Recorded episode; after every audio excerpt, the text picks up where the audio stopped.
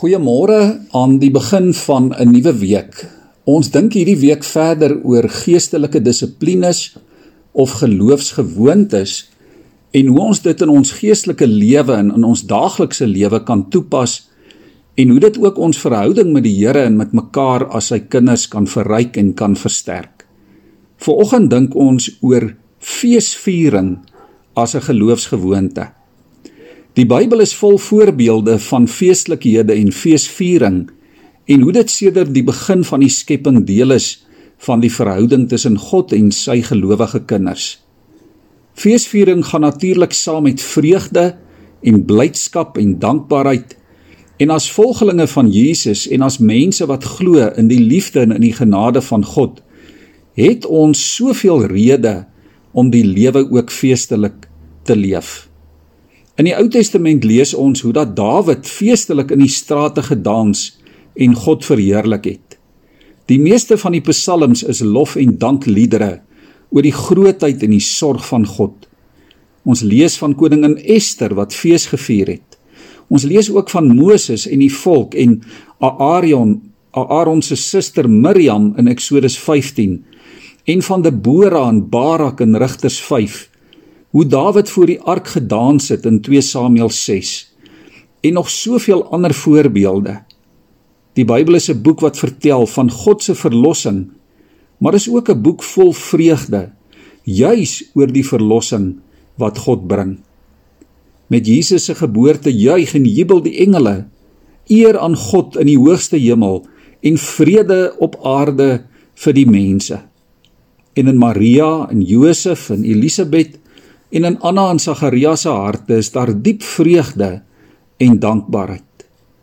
In Deuteronomium 14 vers 26 kry Israel die opdrag: Jy moet met die geld koop net wat jy wil.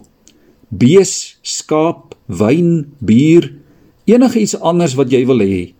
Dan moet jy jou en jou familie afsonder en dit daar in die teenwoordigheid van die Here jou God eet en bly wees.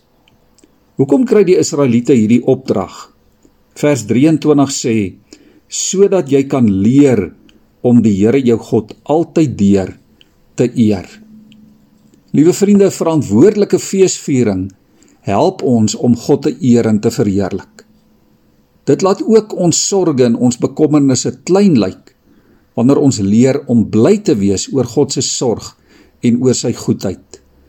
In Matteus 5 sê Jesus dat selfs mense wat treur en honger en dors is en vervolg word, die seën van God kan vier en God se wil kan doen omdat hulle ontdek dat sy goedheid vir hulle ook 'n werklikheid is.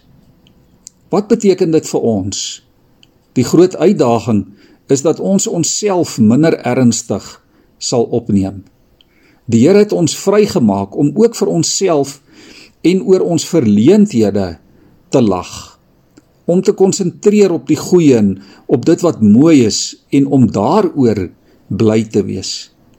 Wees bly oor die goeie en oor die mooi wat God in jou lewe doen en wat hy ook in ander rondom jou se lewens doen. Konsentreer om die goeie raak te sien in die skepping en in die natuur en om dit te geniet en te vier. Lag en vrolik wees is deel van die heel beste medisyne waarmee die Here vir ons seën. En die heel beste, die grootste waarheid is om fees te vier juis ook saam met ander medegelowiges. Dien die Here saam met sy ander kinders. Doen goed saam met sy ander kinders. Vier saam met medegelowiges fees in die erediens sing saam lofliedere, bid saam, lees saam uit die woord, doen saam Bybelstudie, eet gesellig saam en gesels oor die goedheid van God. Vier Christelike geleenthede as ware feesgeleenthede. Dink maar aan die nagmaal. Dink aan die doop as feesgeleenthede. Die geboorte van Jesus, die Paasfees, Pinksterfees, ja vier die voorreg om saam met ander ook deel van 'n gemeente en van die geloofsgemeenskap te wees. Ek lees vir ons twee gedeeltes, onder andere Kolossense 2 vanaf vers 15.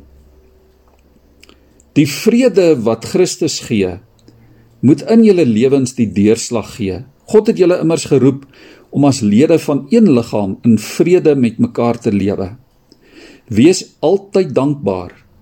Die boodskap van Christus moet in sy volle rykdom in julle bly. Leer en onderrig mekaar met alle wysheid. Met dankbaarheid in julle harte moet julle psalms en lofgesange en ander geestelike liedere tot eer van God sing.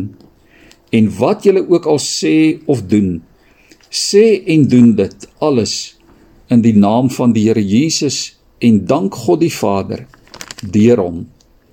Ek lees ook vir ons die bekende Filippense 4 vanaf vers 4. Wees altyd bly in die Here, ek herhaal wees bly. Wees inskikkelik teenoor alle mense. Die Here is naby. Moet oor niks besorg wees nie, maar maak in alles julle begeertes deur gebed en smeking en met danksegging aan God bekend. En die vrede van God wat alle verstand te bowe gaan, sal oor julle harte en gedagtes waghou in Christus Jesus. Kom ons buig ons hoofde in gebed. Here, dankie vir u vreugde en u vrede in oorvloed. Dankie dat ons die lewe kan vier as 'n genadegeskenk uit u hand. Here, help ons om die blydskap van Christus in ons lewens te beleef en om die ingesteldheid te hê om dit elke dag te vier en met ander te deel. Help ons Here dat ons gelowige wees en ons gemeente wees 'n fees sal wees tot u eer. Amen.